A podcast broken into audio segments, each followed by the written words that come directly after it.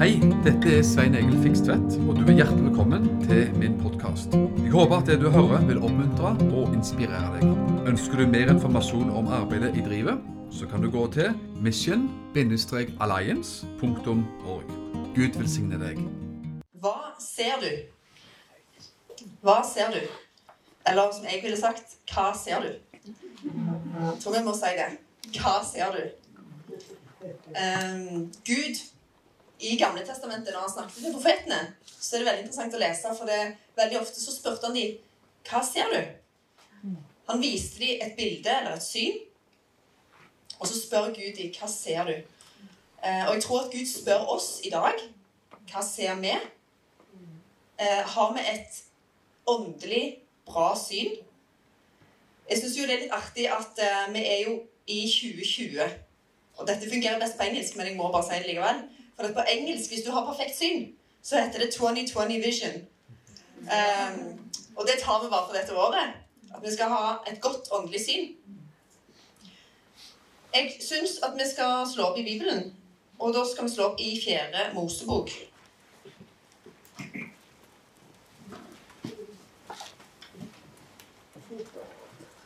Fjerde Mosebok og kapittel 13.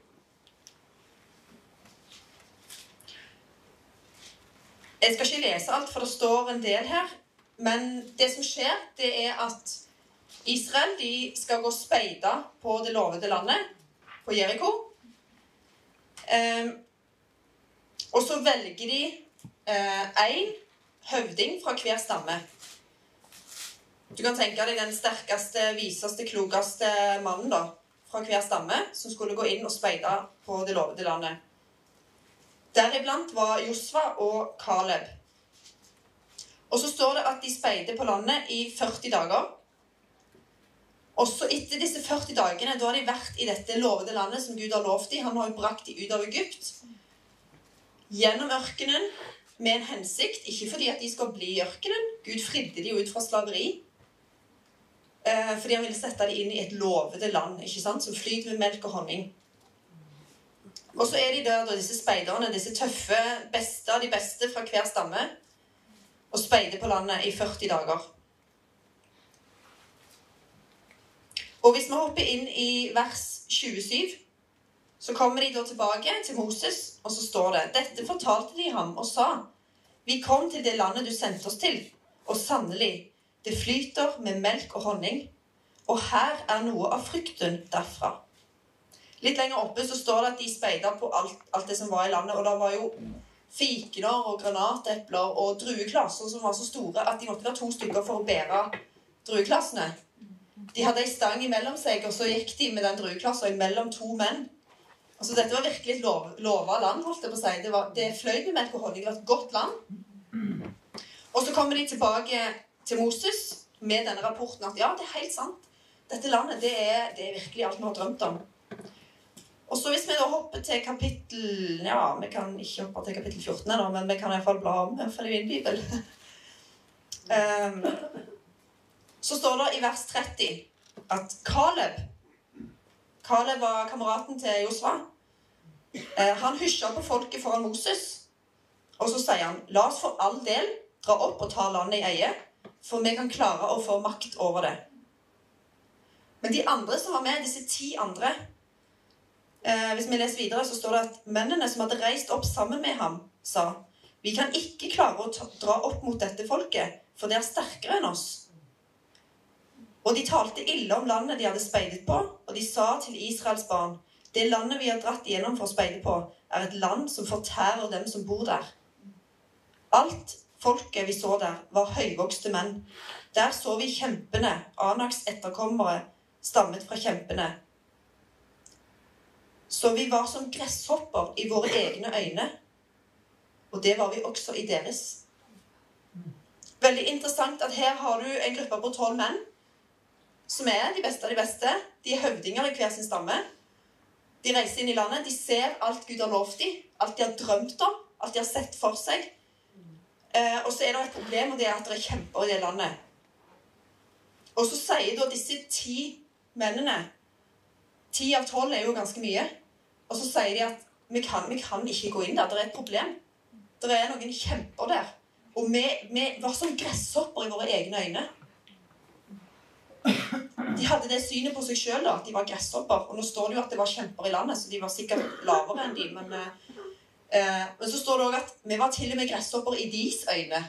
Hvordan i all verden visste de det? De hadde tydeligvis fått et syn som gjorde at de var redde for å gå inn i det landet som Gud hadde lovt dem. Også hvis vi leser videre fra kapittel 14 og vers 1, så står det Så hevet hele menigheten sin røst og ropte, og folket gråt hele den natten. Så her er det én mann som har stått opp og sagt at det, dette her kan vi ta. Dette kan vi klare å ta. Og så sier de andre ti nei, det kan vi ikke. Det er kjemper i landet. Og så står det da videre at alle Israels barn klager til Moses og Aron. Og hele menigheten sa til dem om vi bare hadde dødd i landet Egypt eller om vi bare hadde dødd i denne ørkenen. Så utrolig lite tro. Så utrolig Her har Gud gjort så mye stort for israelsfolket. Han har fridd ut fra Egypt på en overnaturlig måte. Vist igjen og igjen at han er med dem. Og han har sagt at jeg, min plan er å få dere ut av Egypt, gjennom ørkenen og inn i dette landet. Og så er de med målstreken. Og så nei, dette kan vi ikke klare. Og så ville egentlig folket vende tilbake til Egypt. Og så står det i eh, vers 5 Da falt Moses og Aron med ansiktet mot jorden foran hele forsamlingen av Israels barns menighet. Men Josva, Nuns sønn, og Caleb, Jefunnes sønn, som var blant dem som hadde speidet på landet, flerret klærne sine. De talte til hele menigheten av Israels barn og sa:" Det landet vi dro gjennom for å speide på, er, er et overmåte godt land. Dersom Herren har behag i oss, så vil Han føre oss inn i dette landet og gi det til oss. Et land som flyter med melk og honning. Gjør bare ikke opprør mot Herren. Frykt ikke for folket i landet, for de blir som brød for oss. Deres vern har veket fra dem, og Herren er med oss. Frykt ikke for dem. Så det er egentlig bare to stykker som har det rette perspektivet, som har de rette øynene her. Og det tragiske som skjer her, det er at eh, Gud bestemmer seg for at nei, pga. deres måte å være på, pga. deres vantro, så slipper dere ikke inn. Eh, og så sier Gud at alle skal dø i ørkenen. De skal gå 40 år i ørkenen. Og de eneste som skal få lov å slippe inn av deres generasjon, det var Josva og Caleb. For en tragisk For en tragisk måte å ende livet sine på bare fordi de hadde feil perspektiv. Bare fordi de ikke hadde det rette åndelige synet. Kanskje i det menneskelige så var det helt innafor å tro det. Men de hadde jo tross alt Gud med seg på laget. Eh, og så har jeg lyst til å bare stoppe opp litt med han Caleb, for han er en av mine yndlings, yndlingspersoner i Bibelen. Eh, for han var faktisk den som tok til orde. Og han hadde dette her gode synet. Og så står det et vers i eh, samme kapittel, altså kapittel 14 og vers 24, eh, så står det Fordi det er en annen ånd i min tjener Caleb, og han har fulgt meg helt og fullt, vil jeg føre ham inn i det landet han kom inn i, og la etterkommerne hans få arve det. Er ikke det fantastisk? Det er en annen ånd i Caleb, og vi er kalt til å ha den ånden. Vi er folk av en annen ånd. Vi er, ikke, vi er ikke et folk som ser og tenker med menneskelig visdom. Bibelen sier at menneskelig visdom er Jeg tror nesten det står at den er demonisk og sanselig. Um, og mange ganger så, så, kan visdom høres veldig Du hører noe som i det menneskelige kan høres bra ut. Og så skjønner vi at nei, vet du noe? Hva sier Guds ord? Og hva sier Gud? Hva har Gud talt utover våre liv? Og Hvilket syn er det han ber oss om å ha? Hvor er det vi har blikket vårt festa henne? Går vi på det vi ser kun med våre fysiske øyne, eller har vi ånd, en åndelig åpenbaring og et åndelig eh, syn på det hele? Og så står det jeg skal, ikke, jeg skal ikke bla det opp, eller sånn, men det står jo i Josfa så står det når de da 40 år etterpå kommer tilbake og de har inntatt det lovede landet, så står det da om Caleb, som kommer fram for Josfa, som er da folkets leder. Og da har han blitt 85 år. Og så står det at han kommer fram, og så, så, henviser han til dette verset her. Og så sier han, 'Husker du den gangen når Moses sa at jeg skulle få min, min del av landet?' Så sier han at det, det var fordi jeg har fulgt Gud fullt og helt. Og så sier han òg at min styrke har ikke veket fra meg. Jeg er like sterk som jeg var den gangen. Gi meg nå det landet. Og så er det akkurat som han sier bare at eh, dere kan gjøre hva dere vil, men jeg går og tar de der folka der henne, for de er mine.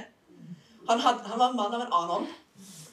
Han hadde et annet perspektiv og en annen, eh, et annet åndelig, andre åndelige øyne. Så hva ser vi? Hva ser du i ditt liv? Er det sånn at eh, Gud har satt foran deg et lovet land, da? Noe som du skal innta? Noe som han har malt foran øynene dine? En drøm eller et eller annet du lengter etter? Et kall, kanskje?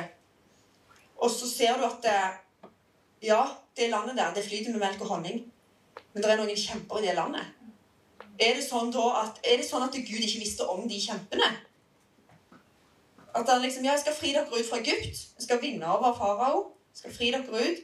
Og så når de da endelig kommer liksom til det lovede landet, så bare Å ja, jeg hadde glemt det. Det var kjemper der. Det er jo ikke sånn.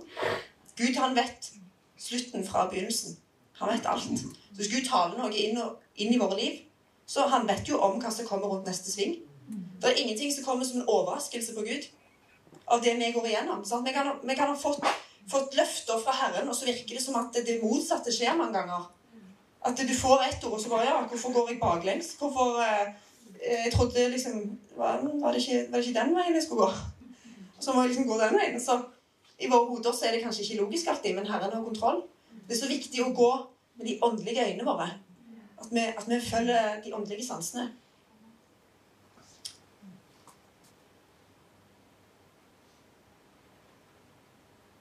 Du vet, Det står i Efeserbrevet og kapittel 2 vers 6 så står det at Gud har satt oss i det himmelske med Kristus.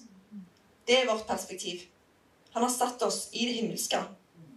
Og hvordan ser det ut? Hvordan, altså Jesus, han, han eh, Jeg vet vi hadde jo, vi ba en del på bønnemøtet. Og jeg har tenkt mye på eh, ting som skjer i landet vårt, ting som skjer i verden, og så kan vi bli litt sånn mismodige på det vi ser. Eh, men så, så man må også spørre seg hvordan ser Gud på, på, det? Og jeg tror Gud spør oss hva ser du? Men jeg tror òg det er sånn et viktig spørsmål for oss å spørre Gud. I hvert fall har jeg merka det for mitt liv at det, For jeg, jeg, ser jo Jeg ser ofte med mine naturlige øyne, ikke sant? Og så spør jeg Gud, hva ser du? Hva ser du? For dette, jeg har tatt meg sjøl, i, i i høst, så kunne jeg bli litt sånn eh, mismodig, eller liksom alle disse nyhetene og alle disse tingene som på en måte skjer i samfunnet. så så lar, lar vi oss liksom kjøre litt ned av det. For vi, vi, ønsker jo så veldig gjerne noe annet. Eh, og så måtte jeg bare omvende meg for det. For vi er ikke kalt til å bli nedtrykt. Det er jo djevelen som gjør det. Men å spørre Gud Gud, hva ser du for landet vårt? Hva ser du for menigheten vår? Hva ser du i mitt liv? Og Det er sånne viktige spørsmål å spørre. Og jeg tenker òg når vi møter hverandre òg, sant Gud, hvordan ser du på folka i menigheten? Hvordan ser du på mine kolleger? Hvordan ser du på den personen som ikke oppfører seg som om man kjenner deg? Eh, hvordan, oppfører, hvordan, hvordan, ser du på den personen som gjør alle de tingene som irriterer meg? Eller eh, alt som er imot Guds ord? Ikke sant? Vi, ser, vi ser, kan se på politikere, vi kan se på andre kjentfolk, og så kan vi tenke uff, liksom. Eh, fy, fy, og skam, liksom. Men, men Gud, du må gi oss dine øyne, så vi får se dem med dine øyne. For Gud har jo et kall på hver enkelt. Gud lengter jo etter alle sammen. Alle politikerne våre. sant? Alt, alle folk vi møter, er, Gud kaller på dem. Gud har en plan med dem sitt liv. Tenk at Gud hadde en drøm for hver enkelt. Samme hva vi holder på med i dag, så har Gud en plan. Og han har, han har en lengsel. Han har, han har forma oss i mors liv, alle sammen. Og han hadde, han hadde en plan med hvert menneske. Og da blir det veldig spennende òg, og da blir vi litt mer tolerante. Og at vi kan gå litt mer fram i visdom og faktisk elske de menneskene vi møter òg, som, som, kanskje ikke oppfører seg helt bra alltid. Men Gud, hvordan ser du på dette mennesket? Hvis dette mennesket hadde kjent deg, så hadde de aldri sagt det de sa. Da hadde de aldri oppført seg sånn. Hvis de hadde kjent deg. Vi er kalt å elske hverandre og ha overbærenhet med hverandre? Det er sånn et bra spørsmål å stille. Og jeg tror at jo mer og mer vi spør Gud òg Gud, hva ser du? Eh, så vil han òg spørre oss hva ser du? Og så vil våre syn bli mer og mer like. Det må jo være vårt mål. ikke sant? At vi ser virkelig det han ser. Vi ser fra hans perspektiv. Og vi er kalt til å gå framover. Vi er ikke kalt til å miste motet. Vi er ikke kalt til å, å la oss grave ned av omstendigheter og ting som skjer i livet. Men uansett du vet Bibelen sier at vi er jo i Kristus, ikke sant? Det vil si at enhver omstendighet som vi har, eller går igjennom, er òg i Kristus. Så uansett hva vi måtte gå igjennom, så er Jesus der. Vi må bare finne ham. Jesus, hvor er du i denne situasjonen? Hvor er du henne? Hva, hva sier du om denne situasjonen, Gud? Hvordan skal jeg eh, be? Hvordan skal jeg eh, snakke ut? Hva skal jeg tenke? Og så er ofte Guds veier annerledes enn våre egne veier. Men det er noe med det når vi ser ting, og ofte så ser vi jo ting for oss når vi drømmer om ting òg? Både positive og negative ting kan vi se akkurat som det blir malt foran øynene våre. Uh, men at vi former det blikket etter, etter Herren, da. Og så tenkte jeg jeg skulle snakke litt om ting som kan påvirke det synet vårt. Det står I Matteus står det om sadukeerne. De kom til Jesus. Um, og for de som har lyst til å slå det opp, så er det i Matteus 22. Uh, og så skal jeg bare lese hva Jesus svarte. da. De hadde et spørsmål om gjengifte i himmelen og bla, bla. Om folk var gift i himmelen og sånn. Uh, og så sier Jesus til dem i Matteus 22 og vers 29 så sier Jesus dere farer vill fordi dere ikke kjenner Skriftene, og heller ikke Guds kraft. Og jeg tenker at Dette er to viktige ting som kan påvirke synet vårt. Eh, kjenner vi Skriftene? Kjenner vi Bibelen? Eh, er vi grunnfesta i Guds ord? Og kjenner vi Guds kraft? De to tingene der, det er sånn to bein å stå på. Skriftene og Guds kraft. Og så står det en annen plass om fariseerne. Og de kjente jo absolutt Skriftene. Men Jesus sa at de var blinde. I Matteus 23 så refser Jesus fariseerne i et langt kapittel. Og flere ganger så kaller han de for blinde. Og de kjente jo Skriftene, men de, de, kjente ikke Guds kraft. De hadde ikke Guds hjertelag. De var hyklere, sier Bibelen. De, de var ute etter å legge tunge byrder på folk, og de var opptatt av å se fromme ut. og De gjorde livet egentlig vanskelig for folk. De lagde bud som, som andre skulle holde, som ikke de trengte å holde sjøl. Um, så, så, de kjente Skriftene. Men de kjente ikke Guds kraft. De kjente ikke Guds hjerte. De hadde ikke en personlig relasjon til Gud. da. Hvor viktig det er. Og så det med å ha et rent hjerte, hvor viktig det er for, for å ha et bra syn. For for å, være åndelig våken og se det Gud ser, da, så er det så viktig å ha et rent hjerte. Og at ikke vi bærer på synd og utilgivelighet og disse tingene her som, som på en måte eh, ja, skyggelegger synet vårt, da. Når jeg begynte med briller, så ble jeg jo veldig obs på hvor fort brillene ble skitne. Og alle som går med briller, vet jo det. Jeg var helt sånn der Åh, må jeg gå med noe mellom meg og omverdenen, liksom? Det er jo ja, veldig rart. Skal jeg aldri se verden med mine egne øyne mer, liksom? Ja, jeg var veldig dramatisk, da. Men, eh, men jeg merka hvor fort det kom flekker på brillene. Og så tenkte jeg åh, det der kommer til å, til å klikke på det der, altså. Uh, men så er det, Og det, for så vidt så, så gjør jeg det litt ennå, men en venner seg litt til det. skjønner du? En venner seg til flekkene. Og sånn er det jo ofte med Hvis vi går med utilgivelighet og bitterhet og synd som ikke en tar et oppgjør med, så blir det sånn flekker på netthinna, flekker på det åndelige synet, som gjør at ikke vi ikke klarer å se klart hva Gud sier, hva Gud vil, hva er Guds vilje. Og så blir vi forkludra med egne motiver kanskje, og egne bekymringer og egne problemer. Hvor viktig det er å ha, ha ren, ren linse, da, ren åndelige linse. Å legge alt framfor Herren. For hva vil egentlig, hva vil egentlig si å, å, ha et godt åndelig syn? Det er jo selvfølgelig at vi ser og hører og, og vet det Gud vet. Ikke sant? Det handler jo om tro. Det er troens øyne på en måte som ser i det usynlige og ikke i det synlige, ikke i omstendighetene. Hvor viktig det er å ta et oppgjør med ting. Hvis, hvis, du med, hvis, du går med, bitterhet eller hvis du går med utilgivelighet eller du har noen imot noen, så gjør det opp med en gang, for du, du binder egentlig bare deg sjøl. Og i 1. Johannes 2,11 så står det at den som hater sin bror Det er jo veldig sterkt å hate, da, men den som har noe imot sin bror, da, er i mørket og vandrer i mørket.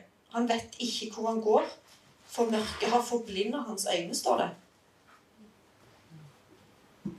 Og så sier jo Jesus i bergprekken også at hvis du kommer med din, din offergave og kommer på at noen har noe imot deg, så, så viktigere enn å gi den offergaven er å gjøre opp med det mennesket. Og forlikes med det mennesket. Bevare hjertene våre, at vi har mykt hjerte for ham. Det ikke ha stolthet og ting kommer inn. Og vet du, hvis du, hvis du går og ber på synd, så det stjeler jo frimodigheten vår så veldig. Hvis vi lever i synd, så er det faktisk ikke så lett å be for den med krykker der. For du, blir, du går med den derre Ja, nå har jeg gjort noe galt. Legg det på Herren, få bli kvitt det, og så har vi liksom ei rein linse. Du vet, Det er sikkert mange som har Instagram og Snapchat og sånn, og det er jo så mye filter. Du kan filtrere livet på en måte på internett. Og de, for Som regel så gjør jo de bildene gjør de jo vakre, da. Men det er jo ikke ekte. Ofte så kan sånne ting legge seg som et filter på vårt åndelige, åndelige linser. da. Det er viktig å gjøre det opp. En annen ting som er veldig viktig for at vi skal ha det synet som Gud ønsker, det er å være brennende. Holde seg nær til Han og la førstekjærligheten levende. For når Jesus snakket Vi kan egentlig slå det opp i Åpenbaringen 3 og 18. Dette er jo veldig kjente vers. Eh, så, så snakker Jesus til Laudikea, menigheten. Og de var lunkne. De så seg sjøl som rike. De så seg sjøl som at de hadde alt. Men Jesus sa at de var lunkne. Han sa at de var fattige, at de var nakne og ynkelige og blinde. Og så står jo disse her kjente ordene i uh, Johannes' åpenbaring 13 og vers 18. Jeg råder deg til å kjøpe gull av meg, Gull renset i ild, så du kan bli rik. Hvite klær, så du kan være påkledd. Så din nakenhets skam ikke skal bli avslørt. Og øyensalve til å salve øynene dine med, så du kan se. Kritikken de fikk, var at de var lunkne. Jeg vet om gjerningene dine. Du er verken varm, kald eller varm. Og derfor, fordi du er lunken, så ville, ville Jesus spy det ut av sin munn, og så sier han, 'Kom her, så gir han de flere, flere ting. At de skal kjøpe gull av ham.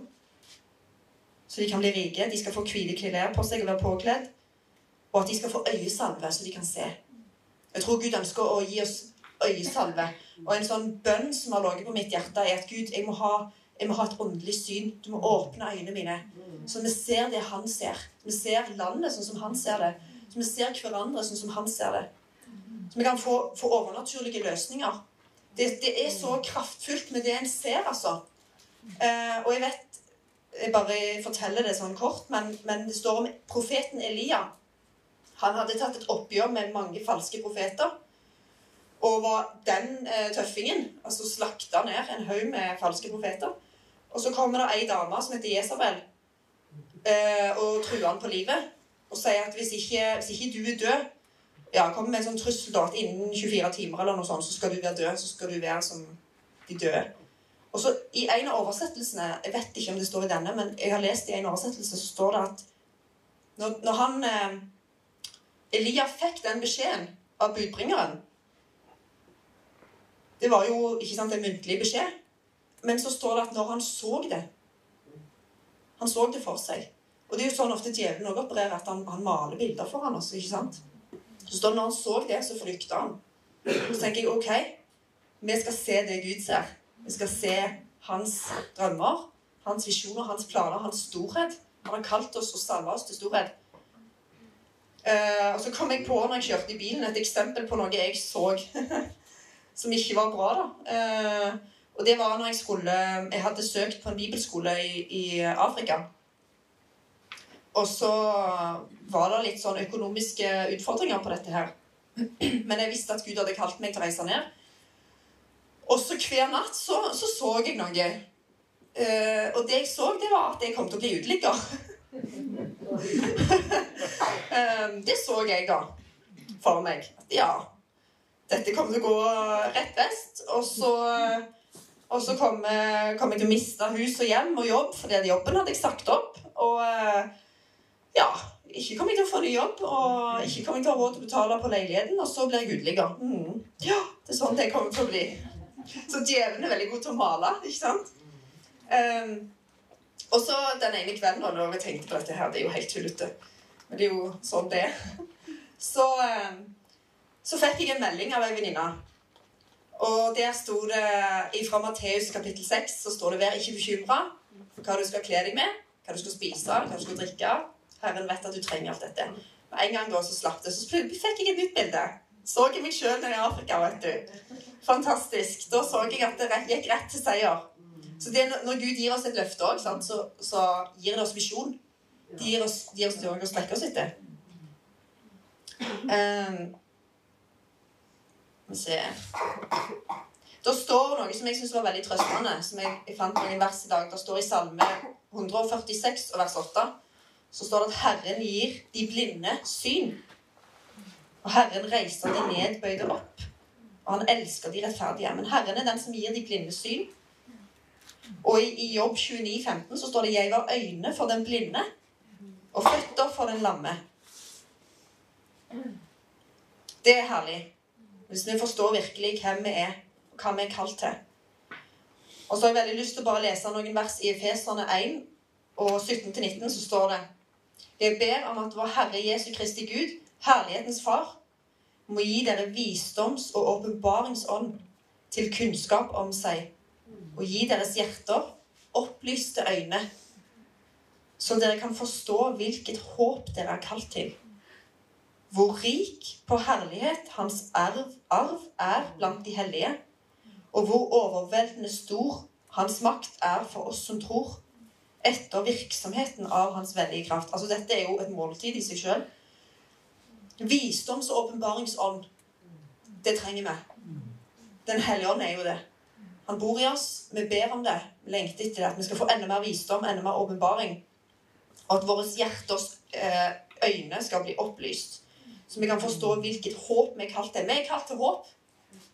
Det er et bra åndelig perspektiv. Det er et bra åndelig syn at vi er kalt til håp. Og det står at hvor rik på herlighet hans arv er. Du vet, Vi har en himmelsk arv. Og den er rik på herlighet. Vi er kalt til å leve et liv som er rikt på herlighet. Rik på herlighet. Hvor overveldende stor hans makt er for oss som tror, tror vi. Ja, vi er troende. Er vi troende troende? Hvordan vet vi om vi har tro? Da, jo, da manifesterer det seg i livet vårt. Da har vi tro. Tro. Ordet må bli kjøtt. Ordet må bli armer og bein. Da har vi en levende tro. For Bibelen sier at de som tror, men ikke gjør etter det, det huset faller jo. De som hører mine ord, men ikke gjør etter dem, de blir som et hus som er bygd på sand. Og de hørte jo ordet, de òg. Begge hørte ordet, men den ene huset ble stående, for de gjorde etter ordene. Det er jo en levende tro, da.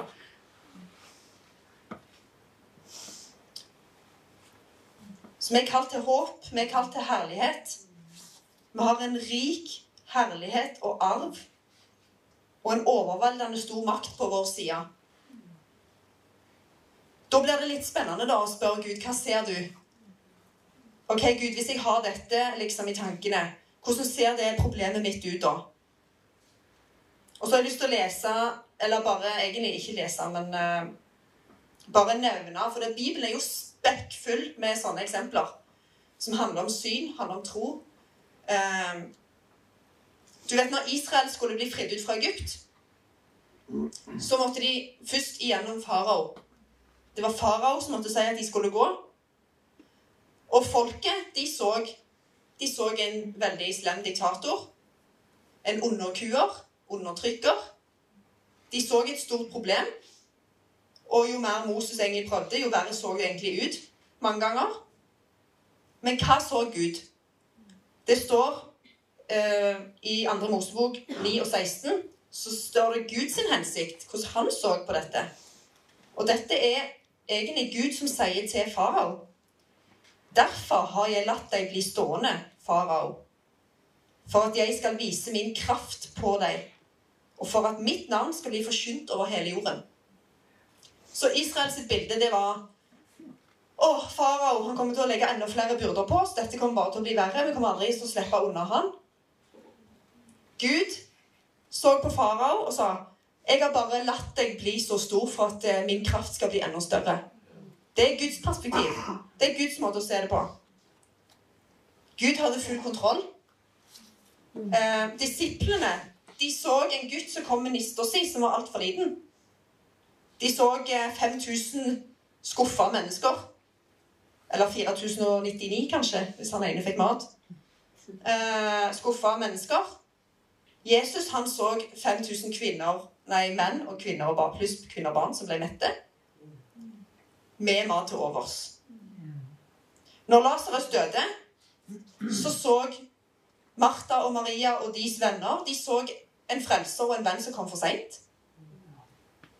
Er det noen som har opplevd det? At de føler det? Kanskje at Gud snart kommer for seint? Jesus han så en, en oppstandelse, han. Og når fienden kom for å ta Elisha for å drepe han, så så tjeneren at de var, under, eh, de var i mindretall, og at nå, nå, er det ute med oss. Men Elisha han hadde åndelige øyne, så han så en hel himmelsk hær som var med, og han sa at det er flere med oss enn med de.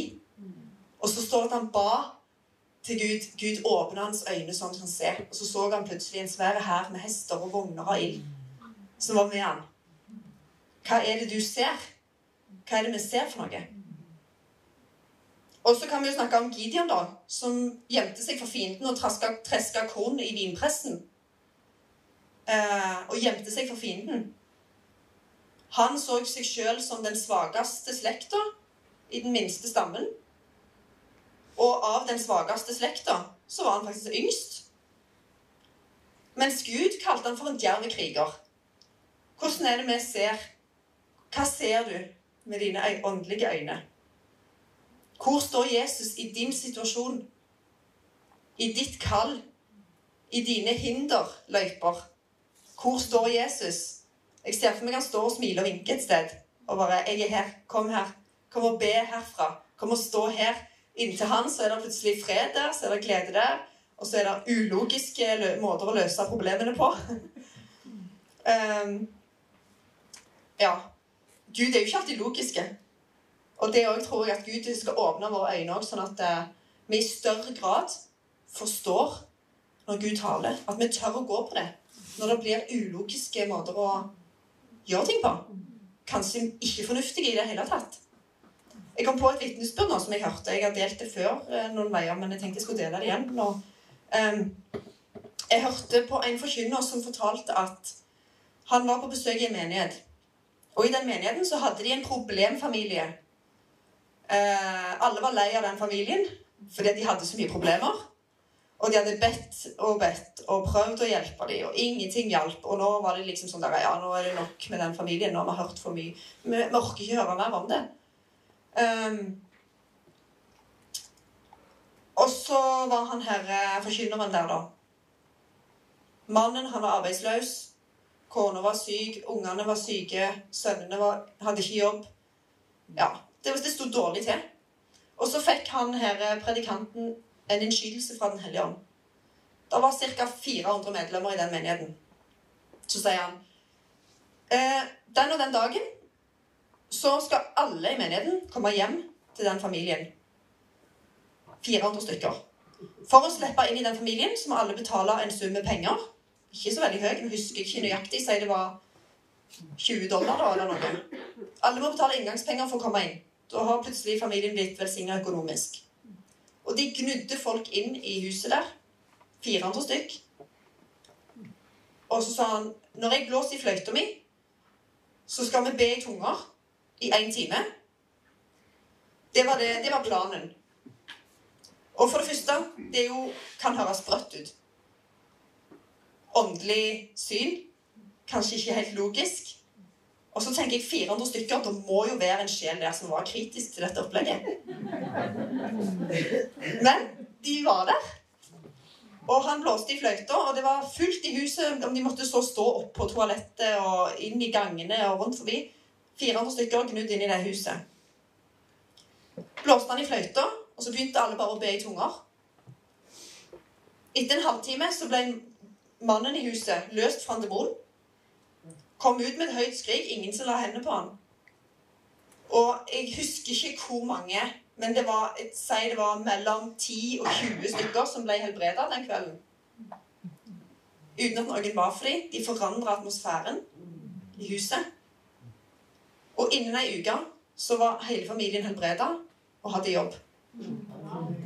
Og så sitter de sammen og spiser, og det òg var faktisk uvanlig for den familien. De pleide å sitte foran TV. Plutselig så sitter de og spiser sammen som en familie. Så ringer det på døra.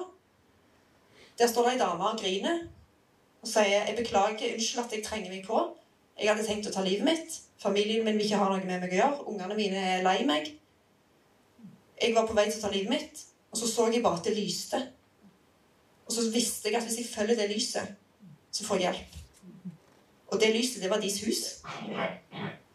Og det som skjedde, at i løpet av de neste månedene så kom det folk kjørende til det huset hele tida. Det var snakk om hundrevis som kom og fant frihet i det huset. Fordi 400 stykker valgte å be i én time. På et ord fra Herren. Med åndelig syn. Og de måtte faktisk sette inn et sjelesørgerteam i det huset på dagtid. For det kom så mange folk. For det ble bare sånn et uh, fyrtårn. Åndelig fyrtårn. Folk bare kom, og de visste ikke hvorfor de kom. Det er kult. Tenker wow. Hvis, hvis Gud sier noe sånn til oss, da Kanskje noe som ender oss prøver. Har vi da liksom vår menneskelige norske fornuft å gå etter, eller, eller har vi åndelige øyne? Er vi nær til Herren? Så vi kjenner hans hjerte? Så vi kjenner hans hjerteslag, så vi ser det han ser? Hva ser du?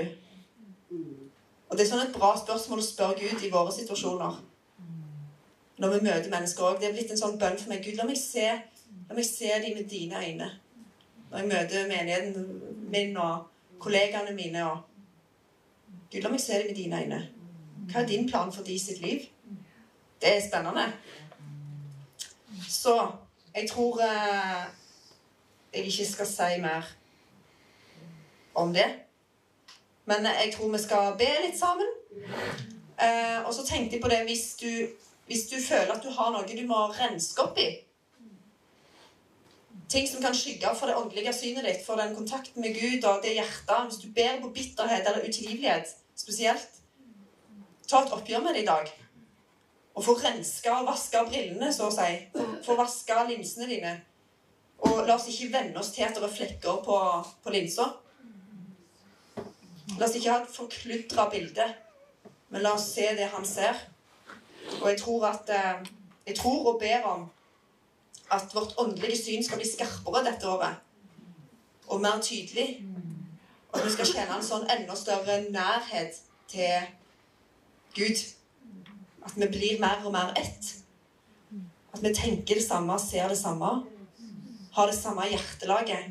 Det var en som sa det at Gud kan fortelle seg sjøl hva som helst. Hvis vi har hjerter med godt jordsmonn, som er til å stole på, som ikke bærer på bitterhet, og som litt som Berit snakket om i dag eh, Respekterer hverandre og ikke sprer onde ting om hverandre eller baktale. Hvis vi er til å stole på, hvis vi har Guds hjerte, så kan Gud fortelle oss hva som helst.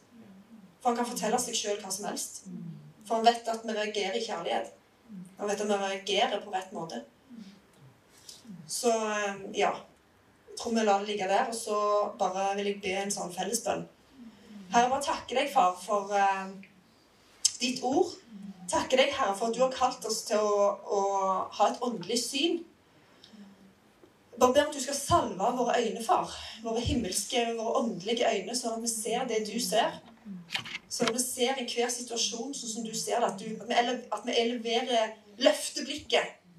At ikke at ikke vi liksom ligger nede på marka og kryper som, som, høns, men at vi svever som ørner med deg. At vi ser det du ser, far. At vi har ditt hjertelag. Takk at du har kalt oss og satt, satt oss i det himmelske med deg. Takk at du sier at vi er overvinnere. Takk at du har kalt oss til å, til å influere denne nasjonen. Takk deg at du har sagt at, eh, at der vi går, der kommer ditt rike. La oss forstå enda mer av det, Jesus. La oss forstå mer av, av hvem du har skapt oss til å være. La oss se oss sjøl gjennom dine øyne. Takk at du er så god, far. Må du minne oss på ditt ord daglig. Takk at du, Jesus, du sto der etter du hadde dødd på korset, og stått opp igjen. Så sa du, 'Meg er gitt all makt i himmel og på jord'. Meg er gitt all makt i himmel og på jord. Og der, derfor så sender jeg dere sånn. Fordi han har all makt. Ikke fordi han ikke har det. Fordi han har all makt. Vi er på det seirende laget. Og takker deg for at vi skal få lov til å lære å be kraftige bønner. Vi skal ikke be bønner som er i offermentalitet, men vi skal be bønner som inntar. Som overtar. Som bare infiltrerer, og som, som bryter, og som løser ut. Takk at du har gitt oss den makten, Herre. Takker deg at eh, at den vandringen vi får ta, ta med deg, den er, den er vidunderlig god. Den er full av håp. Takk at du har framtid og håp for hver enkelt som sitter her. Og i Jesu navn så vil jeg bare bryte av enhver løgntanke. Og hver tanke som måtte reise seg mot kunnskapen om deg, Jesus. Vi tar det til fange i Jesu navn. Og vi bare befaler all motløshet å gå. Og jeg takker deg, far, for de som sitter i situasjoner som kanskje ser håpløse ut. At de skal se deg i den situasjonen, Herre. Takk at de er i deg, Jesus. De er satt i det himmelske med deg. Takk at enhver situasjon vi møter, er i deg, Jesus. Og det priser jeg deg for. Vi bare proklamerer det ut her. At det skal være en sannhet. Erfarte sannhet i våre liv. Takker deg for det, far. Amen. Takk for at du har lytta til denne podkasten. Jeg ønsker deg en velsigna god dag.